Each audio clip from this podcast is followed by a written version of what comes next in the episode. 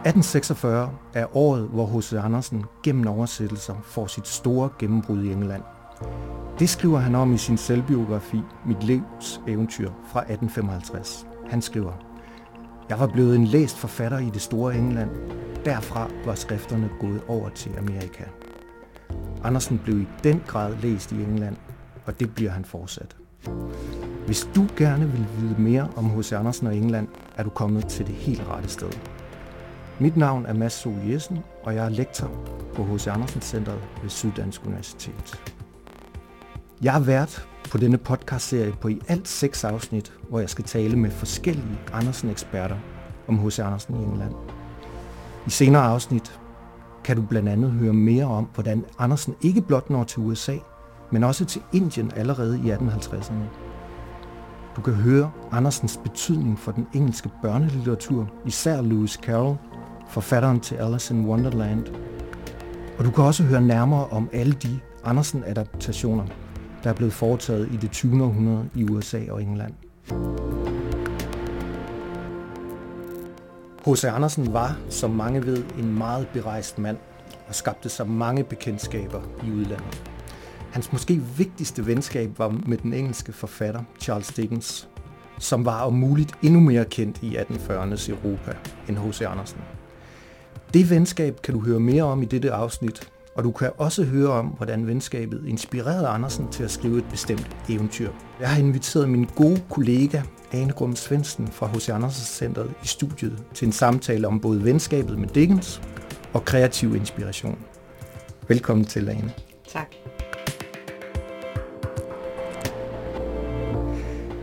Du er forsker i det, man med et lidt fint ord kalder genetisk øh, processer, genetisk tekstforskning. Du studerer Andersens manuskripter og forsker i eventyrenes tilblivelseshistorie. Men det er du ikke den eneste, der gør, for du er nemlig udgaveleder for et stort projekt, der hedder H.C. Andersens Eventyr og Historie, den digitale manuskriptudgave, som er støttet af Augustinusfonden og Louis Hansen-fonden. Og det er også et projekt, jeg er med i, blandt flere på centret. Kan du ikke sige noget om, hvad det her store projekt går ud på? Det kan du tro. Det er et projekt, som, øh, som er ambitiøst på flere øh, leder og kanter. For det første fordi, at øh, Andersens manuskripter til eventyrene og historierne har aldrig været publiceret før. Og det kan man som forsker virkelig undre sig over. Fordi det er ikke fordi, der ikke har været interesse for, interesse for hans håndskrifter og øh, for manuskripter, men det har været manuskripter til hans personlige papirer. Så mm tidligt er blevet hans brevvekslinger blevet publiceret, og hans dagbøger, men, øh, men de her manuskripter til hans allervigtigste del af forfatterskabet, eventyr og historie, dem er der ikke ret mange, der har beskæftiget sig med, og de har heller ikke været publiceret før. Så man kan sige, at det er en ambitiøs øh, udgave, der vil tilgængeliggøre alle de her manuskripter, som ligger spredt rundt omkring på 13 forskellige arkiver, både i Danmark og i udlandet. Og så er det også en udgave, der er netop, som du sagde, genetisk. Mm. Og det vil altså sige, at øh, man kan følge udviklingen i manuskripterne frem til det færdige værk, fordi i mange tilfælde er der bevaret både sådan de første udkast og kladerne og renskrifterne, og så kan man altså se, hvad det er, Andersen har arbejdet med undervejs.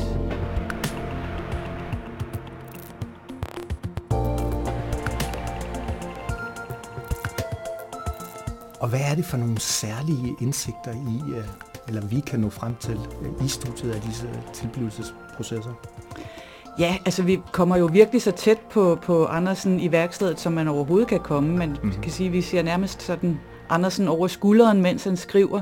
Øh, og vi kan altså dermed også se både øh, konkret i det enkelte manuskript, hvad han har arbejdet særlig mm. meget med, men helt overordnet, så kan vi også følge nogle tilblivelsesprocesser, som tit strækker sig over rigtig mange år. Og det i sig selv er lidt overraskende, fordi at man har været tilbøjelig til at skildre Andersen som en digter, der sådan var improvisator, og så han fik en idé, mens han var i teateret, og så gik han lige hjem og skrev et eventyr. Mm. Og sådan var han også lidt tilbøjelig til selv at fremstille sig i, i sine selvbiografier og andre steder. Som Men, en vaskeægte geni. Øh. Som et vaskeægte romantisk geni. Ja.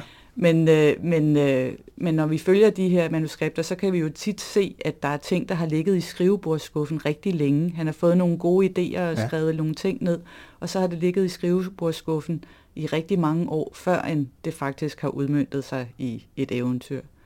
Hvis du skulle give et enkelt øh, eller to eksempler på, på et eventyr, hvor, hvor, studiet af de her tilblivelsesprocesser virkelig øh, øh, giver en særlig form for erkendelse, kunne du pege på et enkelt? Jeg kan, jeg kan pege på øh, selvfølgelig på flere, men, ja. men, øh, men umiddelbart hvis, så kommer jeg til at tænke på, på øh, to af de sådan mere kendte eventyr, som, som øh, fortæller en del om, om øh, hvordan Andersen har arbejdet særlig meget med begyndelserne af eventyrene og slutningerne af eventyrene. Og det allermest berømte eksempel, som, som er kendt i forskningen også tidligere, det er mhm. øh, kejserens nye klæder. Hvor den her slutning, hvor barnet råber op og siger, jamen han har jo ikke noget tøj på, er en tilføjelse, der er kommet til meget, meget sent i den kreative proces, og faktisk havde Andersen jo afleveret manuskriptet til trykkeriet ja. med en slutning, hvor, hvor bedrageriet ikke blev afsløret. Ja. Men det var først til allersidst, den her slutning kom til. Øh, det, det er jo et kendt eksempel, men sådan et, et lidt mindre og nyere eksempel, det er i forhold til Den lille havfru, mm-hmm. hvor, hvor det er sådan, at, øh, at netop også slutningen, hvor, hvor havfruen bliver opløst til skum, øh, den, den, og, og hvordan hun sådan ved hjælp af, af børnenes gode gerninger kan gøre sig fortjent til at, at blive en del af, af, af øh, opnå udødelighed på sigt. Øh, den har i, i forskningen tit blevet beskrevet som sådan en, en, en underlig påklistret slutning. Og så har, man jo, så har vi jo tænkt, at så kunne, man, kunne det jo godt være, at man også ud fra manuskriptet kunne se, at det egentlig også var en påklistret mm-hmm. slutning. Men det er faktisk slet ikke tilfældet. Nej. Altså vi kan tværtimod se, at den her slutning har for Andersen ligget fast øh, fra begyndelsen af, af hans kreative proces, mm-hmm. hvorimod begyndelsen på eventyret har han arbejdet særligt meget med. Ja, fascinerende. Men Ane, det må også være hvad skal man sige, både magisk, men, men måske også frygtindgydende at sidde med de her manuskripter i det daglige. Hvordan er det egentlig? Jamen det er magisk, altså det er det helt bestemt, øh, fordi i, man, igen, man kommer næsten ikke tættere på, på en skabelsesproces og på en digter, end, end ved at, at sidde og studere de her håndskrifter. Og, og udgangspunktet for mig var jo også dengang, jeg øh, arbejdet som museumsinspektør på, på H.C. Andersens hus, den her store, store fascination af materialiteten, øh, manuskripterne og, og alle de her små finurlige rettelser og overklistrede lapper og ting og sager, som, som, som fascinerede mig, fordi at jeg kunne se, at der var arbejdet, helt konkret kunne se, hvor meget der var arbejdet med de her manuskripter. Øh, og det den fascination, vi også øh, har til dagligt, selvom det godt nok er jo nu affotograferinger af, ja. af manuskripterne, vi, vi helt konkret sidder med, fordi de netop er så utrolig skrøbelige, så, så de skal jo ikke håndteres øh, alt for meget. Og det er jo igen også en af grundene til at lave sådan en manuskriptudgave, som samler alle de her manuskripter, det er, at de forskellige arkiver rundt omkring øh, bliver fri for at håndtere øh, de her manuskripter unødvendigt meget, når, når vi forskere gerne vil, vil se, hvad det er, der sker. Nu får vi en, en digital udgave, hvor alle kan tilgå det hele. Øhm, men det er, det er, det er en, en, altså jo en fascinationskraft, også fordi at det, sådan, det, det kan være helt ned i de, i de små detaljer, øhm, de helt små rettelser, som vi så jo også opmærker digitalt, genetisk på den måde, at det bliver bemærket, om det, der er foretaget, er en, en straksrettelse. Det vil altså sige en rettelse, som hos Andersen har lavet, imens han mhm. skrev, mm. altså lige mens han skrev sætningen, så med det samme har set, der var et eller andet, der skulle rettes der, og så skrevet videre, eller om det er det, man kalder for en senere rettelse, altså hvor han har læst det hele igennem, og så sagt, nej, den sætning dur ikke, den streger jeg over, og så skriver jeg en, en ny sætning over linjen, eller noget, en senere rettelse. For rækkefølgen er jo vigtig for os, for at kunne fortolke, hvad, hvad, hvad er det egentlig, der sker, hvad, hvordan er det, han arbejder med manuskripterne. Og det er jo, Øh, altså det er jo virkelig cut and paste øh, øh, i helt bogstavelig forstand, når ja. øh, han arbejder, fordi han jo også tit har, har redigeret så utrolig meget i det, han har skrevet, så, så han har kunne se, at øh, det har været ulæseligt både for trykkere, men måske også for ham selv, så han har været nødt til at tage et nyt stykke papir og, og omskrive en passage, og så klistre oven på det oprindelige ark. Ja, så han bruger ikke kun pen, han bruger også saks og forskellige redskaber. Han bruger, bruger i den grad også saks og, og, og klister og ting og sager, og, og var jo også så utrolig papirøkonomisk, så, så nogle gange, så når, når konservatorerne med, med omhu har løsnet sådan et overklæbet ark, så kan vi se, at der også på bagsiden af det overklæbede ark er skrevet tekst, og nogle gange tekst, som hører til det samme eventyr. Så det er rent puslespil at finde ud af, hvordan øh, rækkefølgen i de her redaktionsrunder har været. Og noget, jeg kan huske, du har fremhævet, det er også, at det, at det jo faktisk er UNESCO-kulturarv, øh, disse ja. manuskripter. Ja. Hvordan er det lige med det? Det er det kongelige biblioteksbestand af, af, af manuskripter, af hos Andersen manuskripter, der er blevet øh, del af UNESCO's Memory of the World i, jeg tror, det var 1997. Ja, så det er simpelthen en essentiel kulturarv, ja. øh, som det her projekt er med til at, at, at sikre for, for eftertiden. Det er det nemlig. Vi skal prøve at tale om, om det her eventyr Skarnbassen, som er væsentligt mindre kendt end, end øh, Den lille havfru og kejserens nye klæder. For en af vores kolleger på centret, Katrine V. Nielsen, gjorde os netop opmærksom på, at Charles Dickens faktisk spiller en hovedrolle i tilblivelsen af det her eventyr, der først kommer i 1861. Øhm, lad os prøve at tale lidt om det her eventyr. Hvad er det egentlig for en historie om Skarnbassen? Det er jo sådan en af Andersens virkelig humoristiske fortællinger, som, som jeg kan klart anbefale at læse den, hvis man ikke har læst den før. Øh, det er, som, som flere af Andersens fortællinger, er det sådan en, en, en udstilling af, af forfængeligheden. Ja. Øh, det er, der er jo tale om den her meget forfængelige øh, skarnbase, der tager ud på rejse fra, fra, øh, fra kejserens stalle i, ja. i ariskab over ikke at være blevet bevilget guldsko, så tager han ud på ud i den hvide verden. Så det er sådan en klassisk eventyr i den forstand, at det har den her øh, hjem-ude-hjem-struktur. Ja. Men, øh, men det er ikke klassisk i den forstand, at, øh, at normalt i sådan en hjem-ude-hjem-struktur, så sker der jo en, en, en udvikling, en personlig udvikling for hovedkarakteren. Det er der altså ikke rigtig tale om her. Den her skarnbase, han bevarer sin indædte forfængelighed hele vejen igennem, og er ja. helt uforandret, da han når tilbage igen. Ja. Øhm, men, øh, men og det, det er kun øh, den meget fine hest i, i kejserens stald, der får lov til at få de her guldsko på. Men når, når man så læser det, og, og, og når læsere har læst det i 1861, øh, så har de jo, i hvert fald ikke hvad jeg kan se, øh, været i stand til at, at erfare eller læse sig frem til, at Charles Dickens har noget som helst med, med øh, tilblivelsen at gøre. Vi skal prøve at berøre venskabet med Charles Dickens. Øh, det her meget berømte venskab. Øh, H.C. Andersen elskede simpelthen engelsk litteratur. Han skriver et sted, jeg elsker England for dit digtere. Jeg har tit og længe følt længsel efter at komme der. Og komme der, det gør han så i 1847, hvor, i sommeren, hvor han øh, rejser til London. Og det møde, han sætter allermest pris på der, det er faktisk mødet med, med Dickens. Og jeg kan lige læse op, hvad han skriver i sin selvbiografi om, om det første møde. Jeg sad just og skrev mit navn og et par ord foran i True Story of My Life, det vil sige hans øh, selvbiografi. De er til et selskab. Da Dickens trådte ind, ungdommelig smuk med et klogt, venligt udtryk og et stort, kønt hår, der faldt til begge sider. Vi trykkede hinanden hænder, så hinanden dybt i øjnene, talte og forstod hinanden. Vi var kommende ud på verandaen. Jeg var så bevæget, glad ved at se og tale med den af Englands nulevende digtere, jeg elskede højst. Tårne trådte mig i øjnene.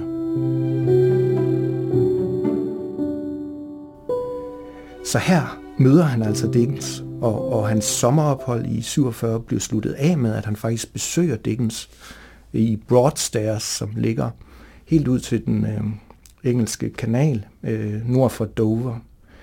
Øh, så, så, så venskabet starter meget smukt, virker det til. Ja, altså der er jo virkelig tale om en, en superfan af Andersen, ja. der, der, der møder sit store idol. Ja. Øh, det er der slet ingen tvivl om.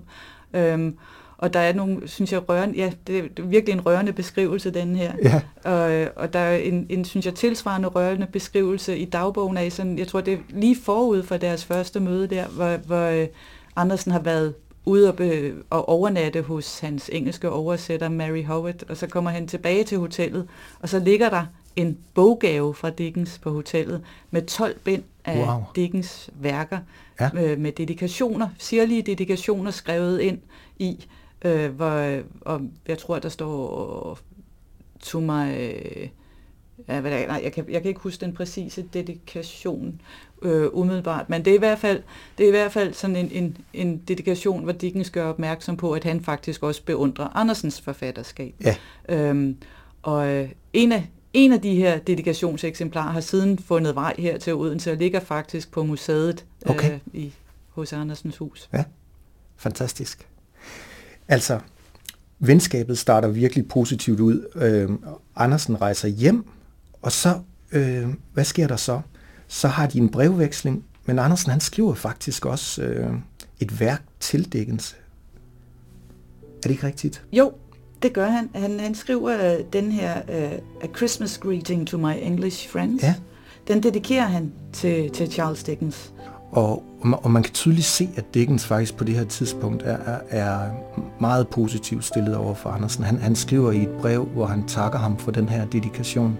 A thousand thanks, my dear Anderson, for your kind and dearly prized remembrance of me in your Christmas book. Han er meget glad for det, og han inviterer ham til at komme til England igen. Men så går der altså øh, små 10 år, før øh, venskabet bliver genoptaget.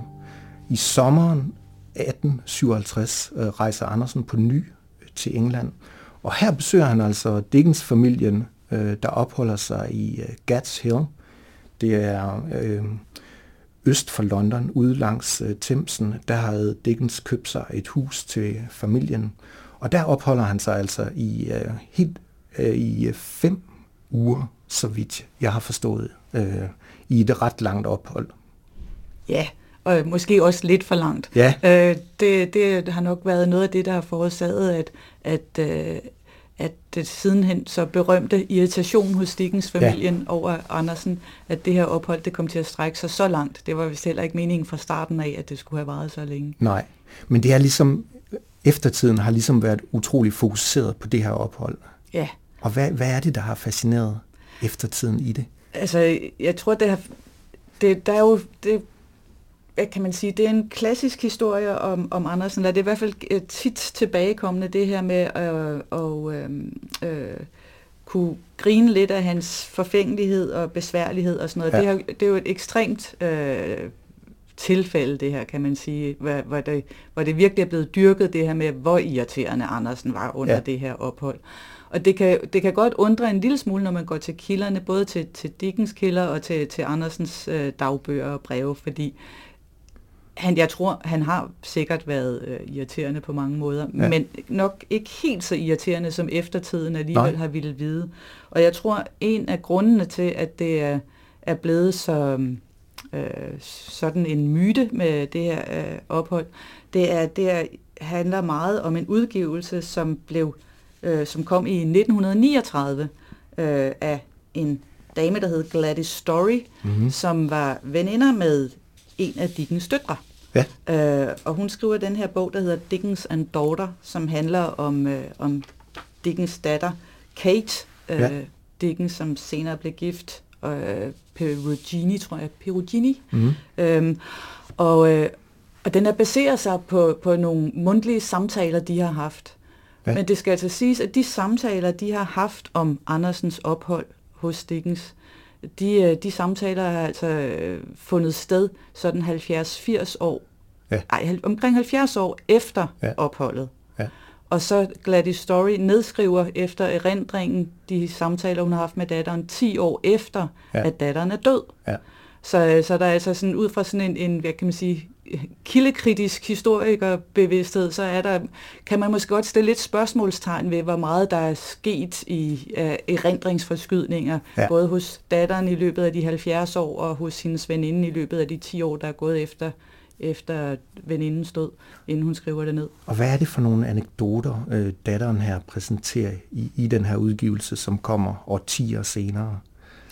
Det er, det er, der er sådan nogle meget maleriske skildringer, ja. blandt andet af, hvordan Andersen, øh, mens han er hos Dickens, modtager en dårlig anmeldelse, ja. og i frustration over den her dårlige anmeldelse, så kaster sig ned på græsplænen og hulker og slår i græsset og, og, og, og skaber sig sådan helt, helt barnagtigt. Ja. Øhm, og øh, det er måske netop lige præcis en af de scener der, hvor man, kan, hvor man godt kan stille et spørgsmålstegn ved, ved rigtigheden, fordi at, ja. at de skildringer, der, der eksisterer, som ligger lidt tættere på begivenhedernes gang, de har godt nok øh, skildringer af, hvordan Andersen brokker sig, ja. både til både til Charles Dickens og også til hans hustru over de dårlige anmeldelser, men det her med, at han ligefrem skulle have kastet sig hulkende ned på græsplænen, er der måske ikke så meget belæg for. Nej. Så. Jeg tror faktisk, du har helt ret. Altså man kan roligt være lidt skeptisk over for, for, for de her anekdoter. Han, øh, Dickens havde travlt, mens øh, Andersen var der. Han var tit i London på arbejde, så, så han hyggede sig faktisk med, øh, med, med børnene. Og, og øh, Catherine Dickens Øh, men noget, man i eftertiden har været lidt i tvivl om, det er, hvorvidt øh, Andersen var bevidst om, at familien faktisk ikke havde det så godt. Øh, de blev jo faktisk øh, skilt, yeah. Catherine og Charles Dickens, øh, yeah. Kort tid efter. Yeah. Øh, og og det, det, det blev en del af, det blev sådan en større sladderhistorie i den engelske offentlighed, og det har bestemt ikke været sjovt, hverken for Charles eller Catherine. Men Andersen skriver så det, om, om det her ophold og udgiver det i Berlinske i 61. Og, og på den måde var det måske lidt ubetænksomt af Andersen at, at skildre det her yeah. ophold. Øh, yeah. i, i, og, og der er også tendenser til et form for skønmaleri i det, øh, det kan det, man sige. Det må man sige, der er. Og det, det, er jo det er selvfølgelig meget, meget svært øh, øh, at, at afgøre med sikkerhed, hvor meget Andersen var klar over, at, at han faktisk var på besøg i en husholdning, der var Nej. mere eller mindre i opløsning. Ja, nemlig. Øh, men øh, altså, det er måske også det har jo nok været en medvirkende faktor til, at, at, øh, at familien synes, at hans, hans besøg har været en belastning, ja. fordi, det, fordi det faktisk virkelig gik dårligt. Ikke? Ja, øhm, de havde det faktisk øh, ikke særlig De havde det nej. ikke ret godt med hinanden, nej. og, og, og, øh, og Dickens var jo på vej væk. Ja, han havde faktisk mødt en anden kvinde ja. i, i 57, ja. Noget, øh, jeg har tænkt på, vi kunne gøre lige nu, det var at få øh, øh, en oplæsning af indledningen til Skarnbassen ved øh, John Irons, den helt splinter nye oversættelse, han har lavet. Lad os prøve at høre indledningen øh, af den nu. The emperor's horse was given gold shoes, a gold shoe on each hoof. Why was he given gold shoes? He was an extremely handsome animal, had fine legs, such wise eyes and a mane that hung down his neck like a veil of silk. He had carried his master through gun smoke and hails of bullets, heard the bullets whistle and sing past. He had bitten out and lashed out around him, also done battle when enemies thrust in close, leapt with his emperor on his back over the horse of a brought-down foe, saved his emperor's crown of red gold, saved his emperor's life, which was worth more than red gold, and that was why the emperor's horse was given gold shoes. A gold shoe on each hoof. And now out crawled the dung beetle. Large ones first, then small ones, it said. Not that size matters in the slightest. And it stretched out its spindly legs. What do you want? the smith asked. Gold shoes, the dung beetle answered.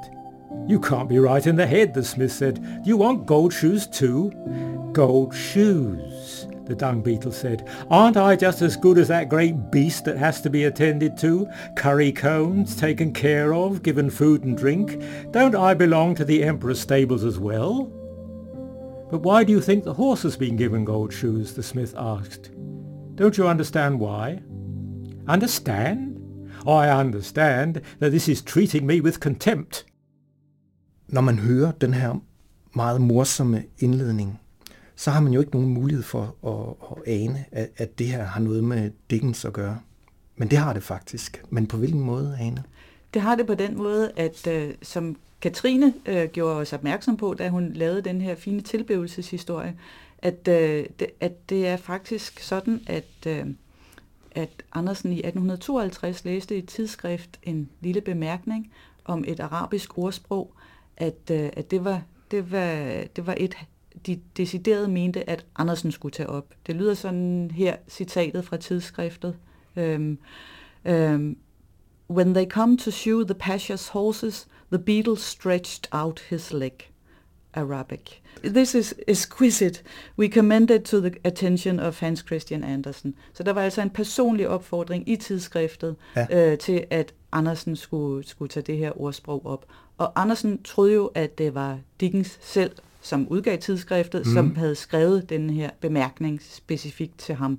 Det var det nu godt nok ikke. Det var en af hans medarbejdere, Richard Horn, der havde, ja. havde skrevet det.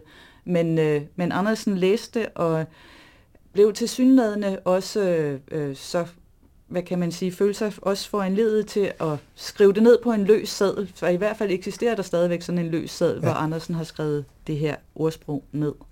Men det blev så ikke lige i første omgang til Nej. et eventyr.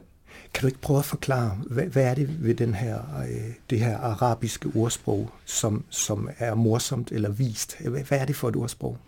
Jeg synes, det, det, det er et helt fantastisk øh, billede i sig selv. Altså, det er, jeg, jeg kan godt forstå, at man har tænkt på H.C. Andersen, fordi med ganske, ganske få ord, så får man sådan et, et virkelig morsomt billede af den her lille bitte bille fra møgbunken, ja. som, øh, som er ved siden af den store hest og strækker sit lille ben frem for at, at, at få en sko på.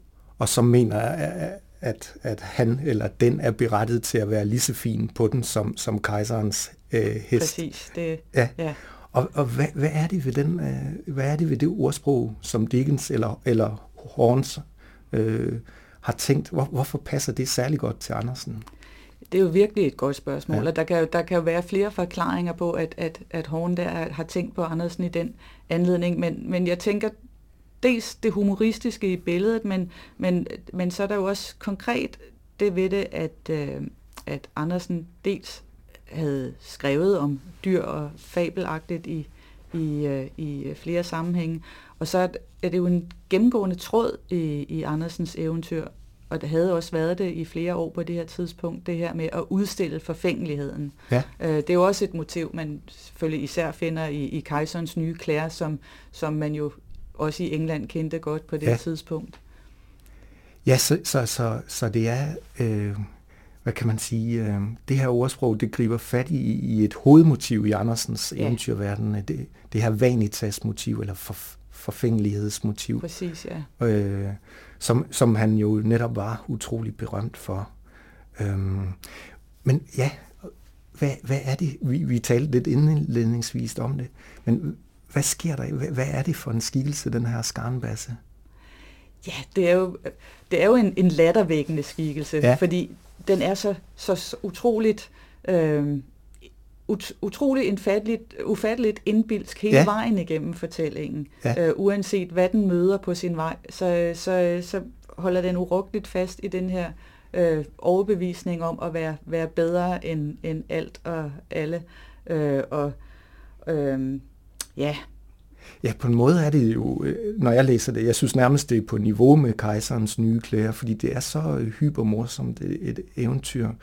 Og, og, og skarnbassen er så indbilsk, altså, og, og bilder sig nærmest ind at være på en, øh, en, en mission, øh, en højere mission. Øh, øh, så så vi, vil, vi kan virkelig anbefale alle lyttere at, at prøve at læse det.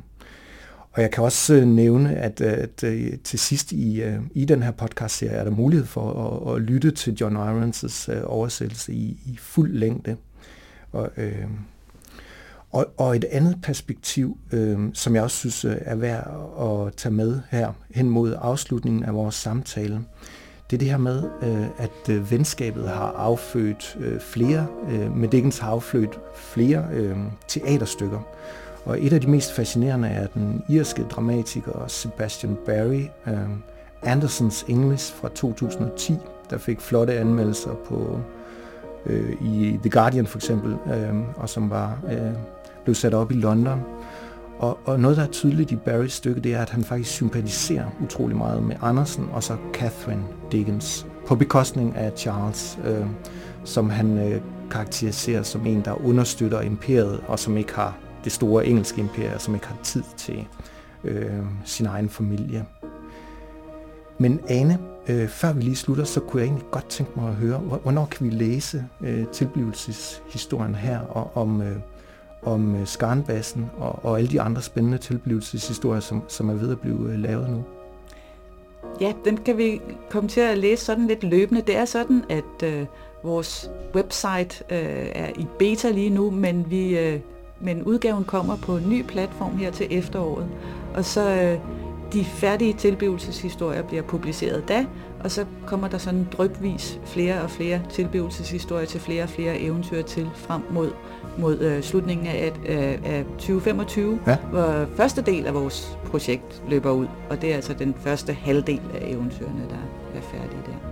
Det bliver fantastisk. Tusind tak, Ane, for at, at være med i dag. Selv mange tak. Og tak til dig, David Binser, for at, at stå for produktionen, og tak til H.C. Andersen Fonden for at støtte denne podcast-serie.